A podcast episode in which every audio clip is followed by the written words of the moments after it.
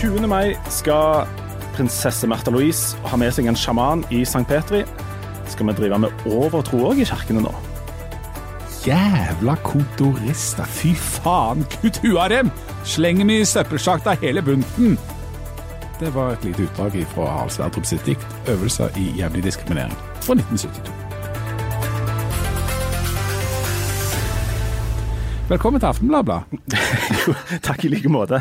Du, den, den innledningen din der, det var, var det det Siv Jensen eh, siterte eh, når Frp hadde landsmøte? Ja, jeg tror hun må ha lest det, det diktet, for her er det både jævla kontorister, jævla kommunearbeidere, det er jævla drosjesjåfør. Det er mye, mye jævla her. Men du, før vi begynner å snakke om noe jævla sosialister eller noe sånt, så må vi snakke om den jævla konfirmasjonen. Nei, nei, ja, ja. Nå er jo du knallhard eh, og iskald hedning, så den definisjonen får være din sak. Jeg begynner å trives med denne konfirmasjonen, jeg. For faktum er jo, Leif Tore Linde, at du om noen veldig få dager, egentlig timer, skal stå for eh, konfirmasjon. Har du utvikla magesår eller hjerteinfarkt nå? Nei, eh, det har seg sånn i Jan Sal at jeg, jeg er født med en altfor lav puls. Som gjør at jeg ikke jeg får liksom ikke pumpe opp til meg når jeg hadde trengt det. Og eh, så bestemte jeg meg for mange mange år siden, dette er vel et av de ytterst få livsvalgene jeg har gjort, men for mange år siden da jeg fikk unger, så bestemte jeg meg for at jeg skulle aldri ha det travelt. Nei. Dette er jo noe som det jo ikke går an å bestemme seg for. Jo. Å ja. Eh, det mener jeg. Du kan, du kan ha mye å gjøre, men du trenger ikke gå rundt å si at du har det travelt. Den konkurransen er jeg ikke med i, så jeg syns ikke det er så travelt. Nei. Og folk rundt deg er helt enige. nei, nei, alle rundt meg syns jo både de og jeg har det kjempetravelt. Nei, altså det begynte, det begynte med at jeg hørte folk rundt meg sitte i telefonen og ringe til hverandre og klage over hvor travelt de hadde det. og si at jeg har nesten ikke tid til å snakke med deg, så brukte de en time på å fortelle om hvor travelt de hadde det, istedenfor å gjøre disse tingene som de skulle gjøre. Um, og, og, da fant jeg ut at ok, jeg skal ikke gjøre sånn, jeg skal heller gjøre disse tingene. Så når vi er ferdige her, så skal jeg ut og hente duker, tror jeg. Og så skal jeg hente blomster. Og så skal jeg Jeg har skrevet tale nå, og så på lørdag, altså i dag når vi spiller inn er det torsdag, på lørdag skal jeg lage mat til 45 stykk. Og konfirmasjonen er på søndag. Jeg kan ikke forestille meg, kan ikke forestille meg at dette ikke skal gå godt. Du skal lage mat til 45 stykk bare på lørdag, ja? Ja, men jeg har satt av nesten hele lørdagen, da. Ja, ok. Så det, jeg skal òg pynte det lokale. Ja, det tenker jeg tenker meg at du er god på. Og når jeg sier jeg, så mener jeg kona mi. Og jeg får tildelt noen enkle arbeidsoppgaver som jeg prøver å utføre. Ja. Og, og, du gleder deg, og konfirmanten gleder seg, og, og det, det, er god stemning? Ja, ja. Jeg tror alle gleder seg. Den eneste som jo ikke gleder seg til konfirmasjoner, du vet hvem det er? Nei. Det er bankkortene til folk. Ja. For men, men Dette har vi snakket litt om før, hvor dyrt det faktisk er med konfirmasjon. Og jeg har gjort noen små beregninger på det. Jeg tror at vi har en nokså sånn nøktern konfirmasjon. Vi har, vi har, det ikke på restaurant, vi har ikke bestilt maten. Eh, vi prøver å holde på en måte nivået på gaver og alle sånne ting nede. Men jeg tror til og med hos oss, hvis vi hadde regnet på det, jeg har sett litt på det, så tror jeg at vi hadde funnet at det er ikke, kanskje det er 100 000 kroner i omløp på en sånn dag. 100 000? Ja. Eh, du har eh, bunad. Ja. Der har du på en måte halvparten. Eh, det er spinndyrt. Så har du eh, alle andre ting som må lages til, kjøpes inn, eh, ordnes, eh, mat og sånt. og så har du gave til egen, egen, unge, og ikke minst gave til andre sine unger, som er den der lille sånn X-faktoren oppi det her. Plutselig så finner du ut at du må gå du må springe ned på Brustadbu og ta ut 4800 kroner i 200-lapper for å fordele rundt halskens folk. og det har fått meg til å få, få litt sånn sympati for de som ikke har de pengene. Mm. Men jeg er jo ikke, jeg er jo på ingen måte rik, eller noe sånt, men jeg har jo da råd til å holde på med dette. Det, men jeg tror at det er mange som får seg en skikkelig økonomisk knekk. Både når de skal ha konfirmasjon sjøl, og liksom fordele disse pengene ut til andre. Det er spinndyrt. Ja, og, og stakkar folk. Ja, for det er jo i praksis omtrent umulig å komme unna dette her. Dette er liksom det du, skal gjøre ja. For du kan, du, kan, du, du kan, ikke gjemme deg. Hvis ungen din skal konfirmeres, så skal han konfirmeres. Det, det er mange måter å gjøre det på. Men eh, en av effektene av at ungen din faktisk vokser til og blir, kommer i konfirmasjonsalder, er at alle andre, eh, alle vennene til denne ungen kommer òg i konfirmasjonsalder. Og Mm. da, altså, da må du rett og slett gi presang, med mindre du flytter fra landet. Og det er Det er jo også dyrt. utrolig dyrt. Um, så det har fått meg faktisk til å tenke litt eh, på at um, til og med folk, folk, som har på en måte vanlig med penger, tror jeg kan kjenne det der ganske tungt. For det er snakk om mye penger. Mye konvolutter, og mye kort og mye alskens. Da får vi håpe at dere får det gysla kjekt i helga, da. I det minste. Ja, altså, til, det, til, den prisen så, så bør, dette bli, bør, dette bli, ganske trivelig. Uh, og så har jeg, men det, det som jeg syns er kjekt med det, det er å skrive tale. Da. Prøve å huske på uh, huske på ting til, som vi liksom har gjort med egne unger og sånt. Og så for, for, tror jeg for første gang i mitt liv så kan jeg reise meg opp og være den der litt sånn gamle i rommet og gi sånn livsråd. Og det har jeg tenkt å gjøre. Yes. For jeg har jo åpen mikrofon her og kan si akkurat hva jeg vil i et kvarter, og det har jeg tenkt å benytte meg av. Og Da kan jeg levende forestille meg at konfirmanten sitter der og noterer, og kommer til å være utrolig eh, åpen for, eh, for, gode råd fra folk som er eldre enn henne. For det er sånn er det jo å være 15 år i dag. Kommer jo til å ignorere det fram til hun er 38 og et halvt eller 42 ja. når hun skal si det samme ting til sine unger. Og ja. sånn går dagene. Ja. Men jeg får i hvert fall si hva jeg vil, og det, det, jo, det skal en jo benytte seg av, og det har folk benytta seg av. Um, nå var ikke meg og deg på, på um, dette her eh, landsmøtet til Frp. Der var vi jo ikke. Men der var Siv Jensen, og hun det ble markert at hun ble 50 år, og i den forbindelse så eh, ja, Hva skal vi si? Hun drog til litt. Ja, gjorde jo det. Det interessante med det der landsmøtet til Frp, det var jo at i en periode der etterpå så handla det jo fint lite om egentlig hva de holdt på med av politikk, men om eh, noe som Siv Jensen sa i eh, sin tale til landsmøtet på lørdagskveld. Skal vi sitere det? Ja. Eh, under en litt sånn festlig tale så sa hun dette må jo, sitat, dette må jo være det beste kickoffet i verden. Det er bare å brette opp ermene, dundre ut og knuse de jævla sosialistene.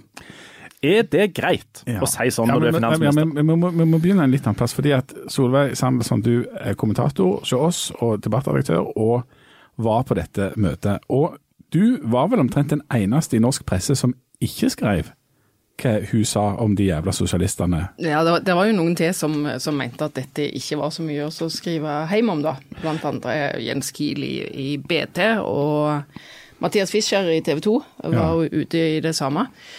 Eh, ja, jeg tenkte at dette er ikke noe å skrive hjem om. Fordi? Eh, fordi at i, den, eh, i denne herrene, eh, sammenhengen Dette er jo på festmiddagen på kvelden, som selvfølgelig ikke er en privat greie, men, men det er jo litt løsere snipp.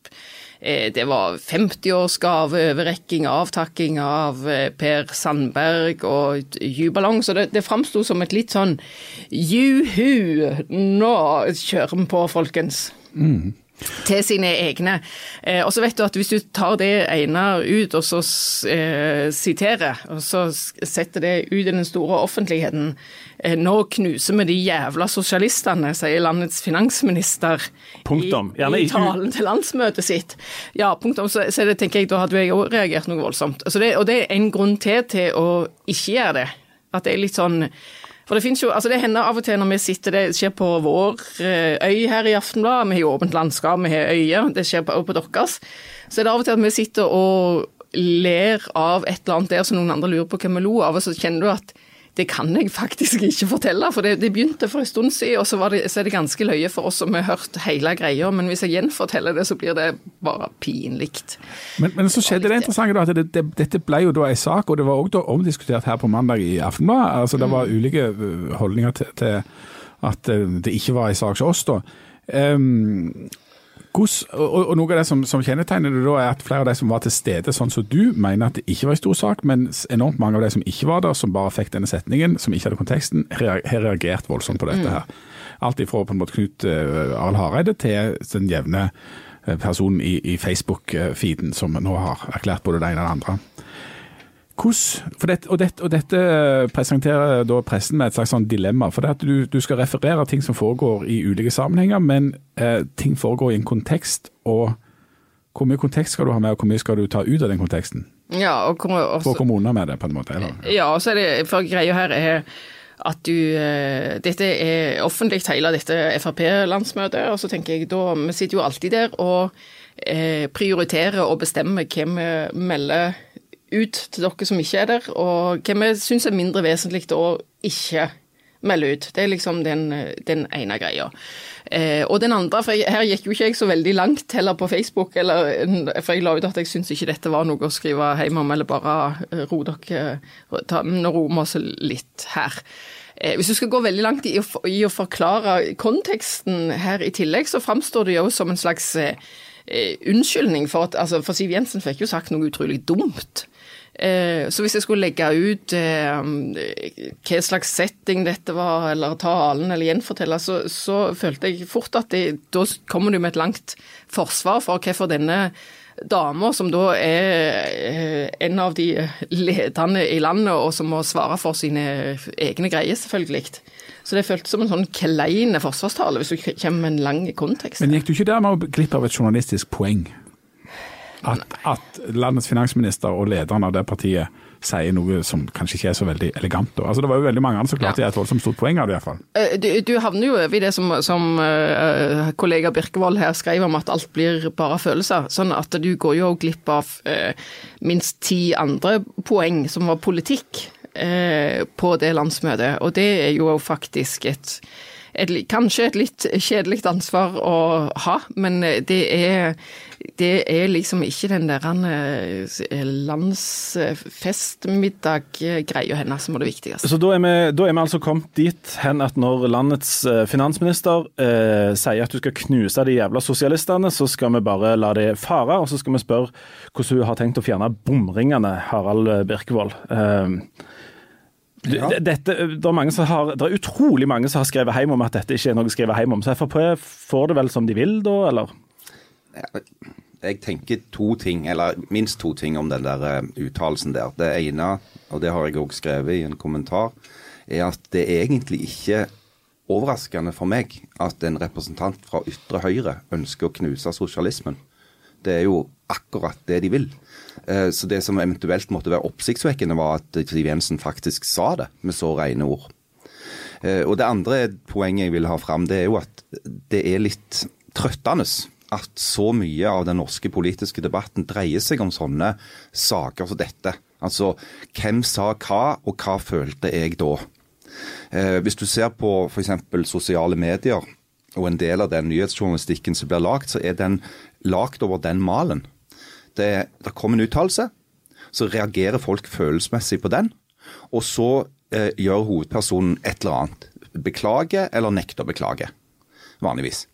Eh, I Sylvi Listhaug sitt tilfelle, når Sylvi Listhaug hadde gått ut på Facebook og sagt at Arbeiderpartiet var mer opptatt av terrorister sin rettssikkerhet enn å beskytte sine egne borgere, så var det jo ikke den uttalelsen som gjorde at Listhaug måtte gå. Det var det faktum at hun nekta å beklage i nesten en uke.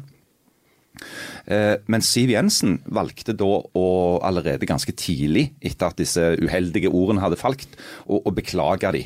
Nei, nei, hun beklaget jo ikke. Det var jo sånn beklagelse at vi, i tilfelle noen skulle føle ja, seg Det var en såkalt Valla-beklagelse, hvis dere husker.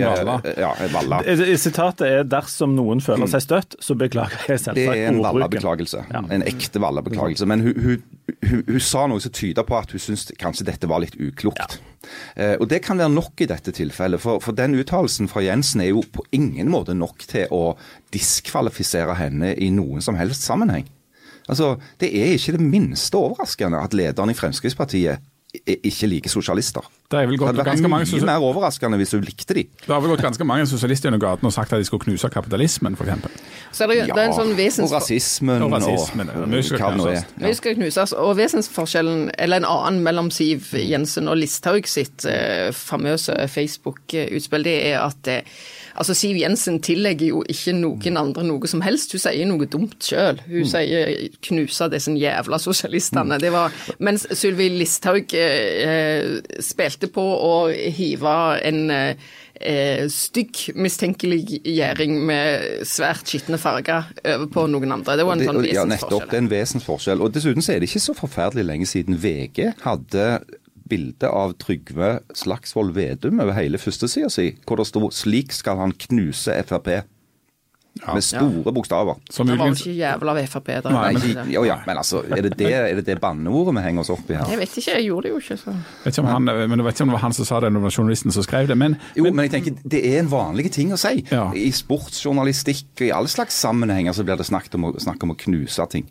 Men du sa, altså jeg må- jo si, for Leif Tore, du sier, for da får vel Frp det som de vil. Altså Frp får det jo ikke som de vil for tida, og det er jo da heller noe å skrive hjem om ifra dette eh, landsmøtet. Altså De er imot bompenger, men ikke søren om de får gjennomslag noen plass eh, for å få det som de vil. Og, og i tillegg så er det heller ingen som tror på dem når de bare sier at de skal fikse det. Folk venter og ser om de faktisk får det til. Og de sliter jo i motvind så det holder på meningsmålingene. Så det er jo òg en, en kontekst da, for den uttalelsen som kom fra Jensen, at her er jo blant sine egne, omgitt av medlemmer, og skal liksom oppildne de til å gå ut i eh, gater og streder og kjempe for å få et bedre resultat i valget enn det målingene tyder på nå. Da faller det av og til sånne ord. Anette Trettebergstuen i Arbeiderpartiet har sagt at uh, Siv Jensen med dette legitimerer hat og vold. Dette er alvorlig, og forventer at statsministeren rydder opp for en gangs skyld. Og at dette er meget farlig ordbruk. Ja, jeg er bare helt uenig. Det er helt- helt uenig. Det er, ikke hat, altså, det er ikke vold og hat i det hele tatt. og Det er en sånn her med eh, lettkrenk, altså Da er du så lettkrenkelig og så, så tander at, eh, at det Ja. Du, du, altså, altså, men det, det som er på en måte så, så, så er det jo mange som på et rart nivå vinner på dette, minus det offentlige ordskiftet. Eh, Det er jo sånn at eh, SV har jo fått en voldsom innmelding av, eh, av medlemmer etter dette her. Frp, Siv Jensen har på en måte snakket litt sånn til basen der. for dette, Når, når da dette mediedrevet setter inn der alle journalistene plutselig springer i flokk og skal liksom holde på med mase om dette, så får på en måte Frp sine kjernetropper sånn litt av ja, se hvordan det fungerer. dette. Og så er det en hel drøss med folk på Facebook som får posere og gjøre verdens minst farlige ting, nemlig å erklære seg som sosialist, og at ja, jeg er bare en jævla sosialist, og så får de vist fram sitt på en måte sånn moralske Je suis socialist. Ja, je suis Så er det veldig mange som som plutselig syns de kan sette 'jævla' i alle titler. forbi. Det syns jeg, det synes jeg om snart skal avblåse. Sånn journalistisk, journalistisk utløsning der. Ja, det er jævlig tåpelig. Ja. Men altså, greia er at altså, populismen Det er jo et bakteppe for dette her. Eh, og det er en stor populistiske bølge. Den er globale. Eh, det har blitt et oppsving for politikere som liksom snakker rett fra levra i mange land. Eh, og så har det blitt oppsving for den rent sånn følelsesstyrte offentlige debatten. Eh, at hva du føler om ting, hva slags grunnleggende prinsipper du har, eh, er mer viktig for mange velgere enn det faktiske. Eh, og Det er jo et stort problem, særlig for oss i mediene, som, som liker å tro at vi jobber ut ifra at vi eh, ser på fakta, og så formidler vi det til et publikum. Eh, hvis det er sånn at fakta ikke betyr så mye for folk som vi tror, så er jo det òg noe som mediene må jobbe med. Og Det forklarer nok òg en del av de oppslagene som kommer, f.eks. når Jensen snakker. Eh, Eller den der trøffelsaken med, med Jonas Gahr Støre, der han hadde smak på noe tang. Og så fant han ut at det minnet smaken om trøffel. Og så ble det en svær debatt om at han var en snobb som visste hvordan trøffel smakte. Men- men altså- Istedenfor det, det han egentlig ville si noe om, var jo potensialet for Han mente at det var godt. Hva han mente at det var godt, og at det var noe vi kunne selge. Ja. Han snakket om næringspolitikk. Ja. Men det var det jo ingen som gjorde. De snakket har bare om at han altså- var en snobb. Men, men nå er det jo veldig greie med, med journaliststanden, altså. For det var journalister som brakte dette ut til verden. Det kunne de fint latt være med. I tillegg, når, når de Ja, men jeg eh, prøvde ikke å være grei. Nei, nei, men det hørtes litt sånn okay, ut som nei, at folk, folk vil ha følelser. Harald vil ikke ha på seg at han har prøvd å være grei. han. Så jeg prøver egentlig på, på en måte å redde den og si det var ikke det Birkevold mente. Her var det, altså, Journaliststanden må gå i seg sjøl. Mm. Slutte å lage sånne drev og tro, og tro at hvis du ikke er alt det som alle andre har, så har du eh, ingen eh, innsikt i noe som helst. Nemlig. Fordi vi, både vi og andre omtaler dette som et problem for det politiske ordskiftet. Dette her er et journalistproblem. For når vi er i sånne sammenhenger som det der, og det, og det faller sånne ord som det der altså vi, jo, vi skal jo eh, på en måte rapportere det som er rett og etterprøvbart og sånt, men vi som journalister har òg et ansvar for å rapportere vesentligheter. Og kunne skille mellom stort og smått, f.eks. Eh, og for meg virker det som om eh, vår yrkesstand og de som vi jobber for, og oss sjøl òg, ganske ofte eh, liksom, hiver oss på de der litt sånn lettvinte greiene istedenfor å går på det som faktisk betyr noe. Da, det er mye lettere å få liksom, et drev på det utsagnet med en jævla sosialist, enn å gå på sånne tunge, tunge spørsmål som faktisk betyr mye, mye, mye politisk. Det var vel òg poenget i den kommentaren du skrev, Harald. Ja, det var jo det. At det koker vekk i kålen. Det Det Koke litt vekk i kålen. Eh, og så, så står jo mediene, både de etablerte og de mer utradisjonelle, står jo òg i en sånn spagat. For det at vi har kanskje en slags sånn 17. mai-taleforestilling om hva folk bør vite, hva som er viktig. Og så ser vi jo, fordi at det digitale universet gjør oss jo veldig klare tilbakemeldinger på hva folk faktisk vil ha. Sant? Og det, det viser jo, altså det er jo en av grunnene til at vi får en del sånne fjollete saker, for de blir jo veldig godt lest. Folk, er, folk er ikke så seriøse som vi skulle ønske noen ganger. Nei, det er er det er kjekt å bli godt lest. Det er jo eh, Ja, det er jo ikke kjekt. Ja, Men, men hvis det bare er uvesentligheter som blir godt lest, så er det jo et problem. og, og det blir også godt lest når vi påpeker at vi skriver om uvesentligheter. altså en sånn merkelige sånn, Ja. litt sånn Meta. metanivå på dette. Du, vi, Skal vi konkludere med at det er mediene sin feil? Det er ofte det enkleste. Det er egentlig det. Eh, vi tar skylda for den, men det Men var jeg, jeg klarte nesten å snakke på meg et diplom sjøl, syns jeg, og det vet jeg heller ikke om det er verdt. Altså. Nei, ja, Det hørtes ut som det var så veldig riktig. Oh, ja, ja, sånn, ja, ja, ja, nei, så nei, det, er ikke, det er ikke verdt det heller. Nei, det er ikke Nei, det er ikke. Vi, vi tar skylda for den, men det var ikke vi som inviterte eh, sjaman Durek til St. Petri. Og det var vel faktisk ikke kirka heller.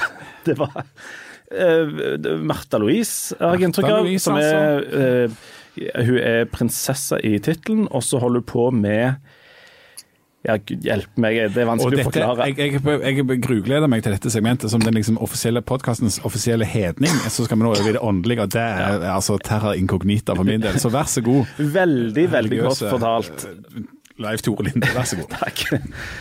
Prinsesse Märtha Louise har, skal altså ha med seg sjaman Durek til en og her krangler du, Solveig, med dialogpresten om dette er en forestilling, eller om det er en religionsdialog, eller hva man skal kalle det. De skal i hvert fall være i St. Petri 20. mai. Her har det kommet protester, de er ikke tatt til følge, og dette arrangementet kommer til å finne sted. Eh, noen mener at dette ikke har noe i kirka å gjøre. mens andre mener at eh, det må de selvfølgelig. Eh, Hvis det er en plass en skal kunne snakke, diskutere og oppleve åndelighet, så må det være i kirka. Eh, Solveig, du har eh, sett litt på denne sjamanen. Hva er du for en type? Eh, Jeg, nå vet jeg ikke så mye mer om han enn det som han sjøl har sagt på, på det store eh, internettet. Og det som han sjøl eh, skriver på, på sin side, da. Eh, hvis, du, hvis du vil ha en time med denne sjamanen, så kan du eh, ringe til han. Så han tar sånn long distance. Eh, Gratis. Går fint. Eh, det Nei, eh, men han har eh, sagt at han noen ganger så, så gjør han ting gratis. Så det skal ikke jeg kunne gå inn og si når han Men han tar en sånn Hvis du bestiller en vanlig konsultasjon, så, så hvis det er mellom eh, 2500-4000 kroner eller noe sånt. Men han presiserer sjøl at hvis folk ber han om hjelp med syke unger eller noe sånt, så tar ikke han eh, betalt for det. Og det er ikke jeg sjekka på noe vis, og derfor har jeg heller ikke gått veldig langt inn i hvor mye penger han tjener på dette.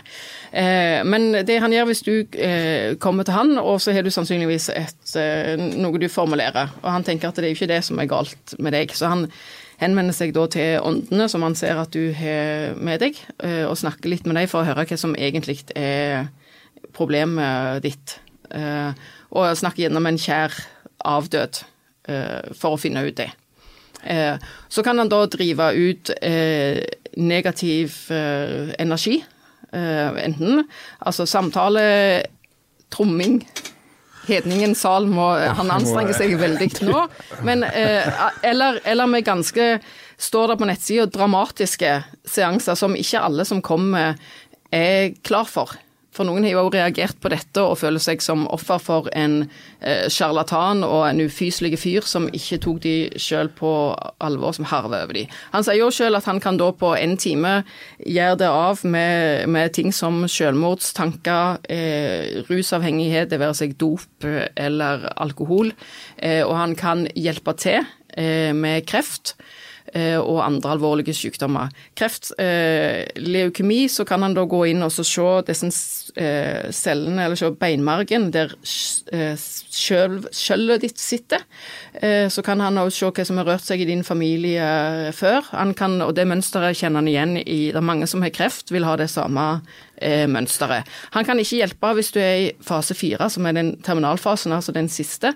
For da har ikke pasienten lenger håp, og han trenger a strong mind mm. Hvis han skal kunne hjelpe. Så det er altså de egen, din egen feil. Men Du har skrevet at, eh, at eh, biskopen bør eh, sette foten ned og si at dette kan vi ikke ha i kirka, for den type overtro med helbredelse og alt mulig, det kan vi ikke ha i kirka. Nei, jeg mener å si at det potensielle ekstreme maktmisbruket eh, som ligger i den typen én-til-én.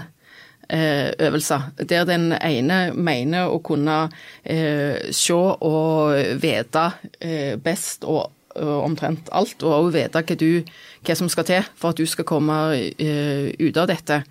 Og hvis du protesterer på det eller ikke klarer det, så er det da deg det er noe galt med. Der er det et så stort eh, potensielt maktmisbruk mot enkeltpersoner og hvis du oppsøker enten det er han eller du oppsøker biskopen for sjelesorg, eller hva det nå skal være, så er du sannsynligvis et menneske som nærmer deg ei krise. Eh, og dette er jo da ting som kirka eh, vet om rører seg i kristne miljø, om det er i kirka sjøl eller ikke. Og derfor så syns jeg at de skal gjenkjenne den situasjonen der og så eh, sette foten ned. I alle fall når det ikke er en Eh, samtale mellom en utenforstående og sjamanen, men det er prinsessa og sjamanen som er på turné sammen fra by til by og deler pengepotten seg imellom etterpå. Altså Fra et, fra et, rasjonelt perspektiv, som det da er altså å være hedning, så høres jo alt dette helt klin kokos ut. Uh, skal du ha en diplom for å være rasjonell? Ja, ja, nå skal jeg, ja men jeg som mener rasjonell her er jo å være hedning, sant? ikke tro på dette. For det, det høres jo helt vanvittig ut.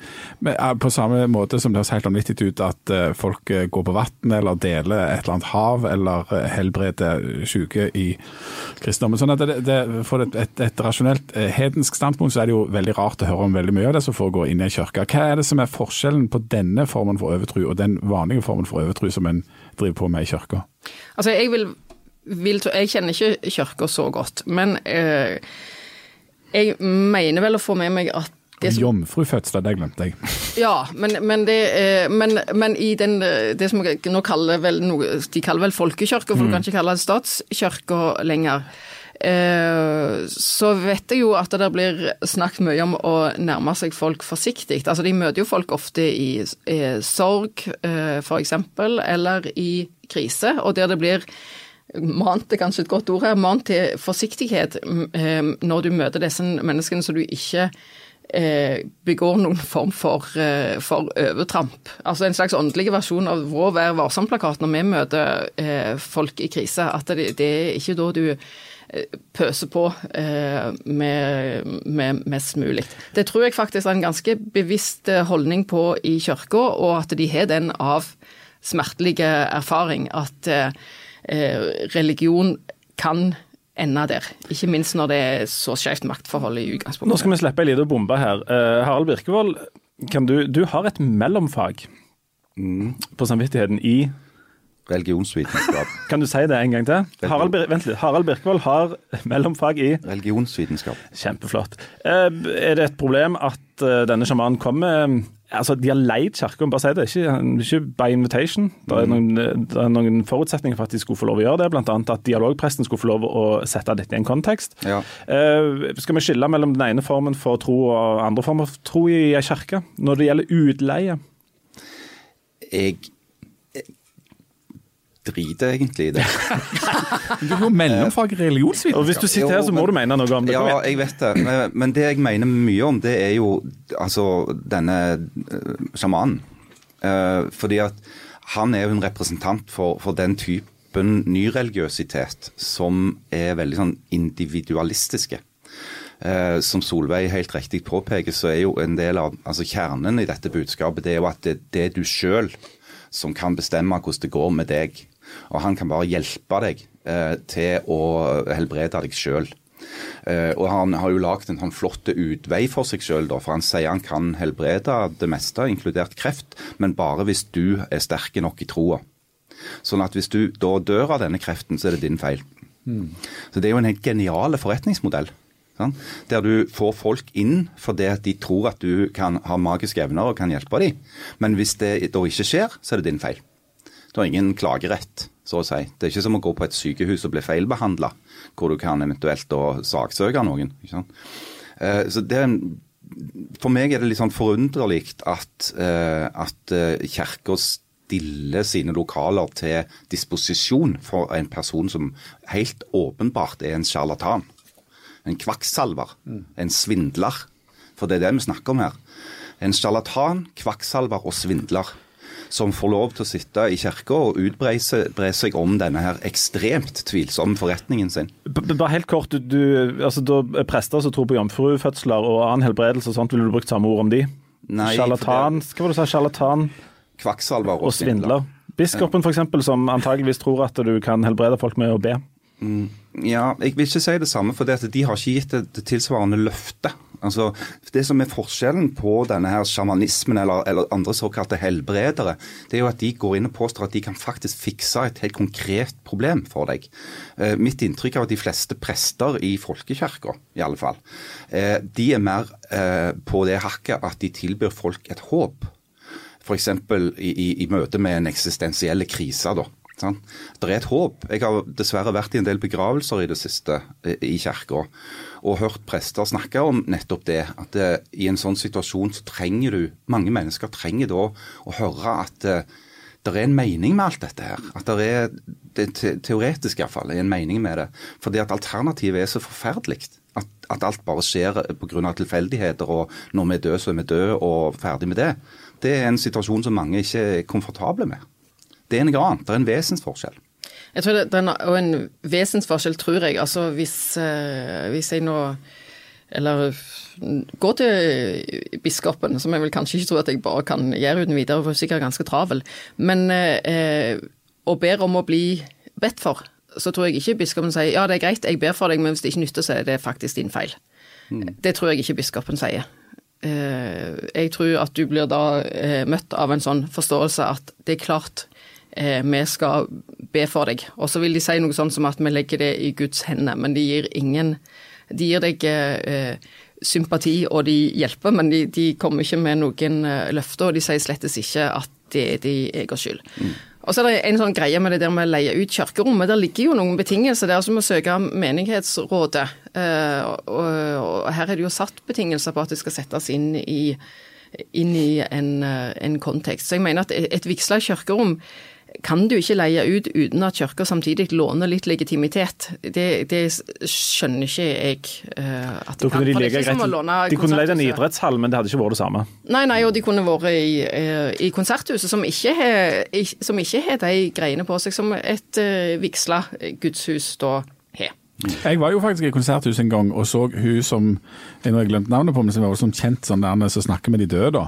Og det, Hva heter det for noe, er husker det? Ja. Et eller annet Williams, var det ikke? Ja, ja, Lisa Williams er det ja. vel dette. Mm.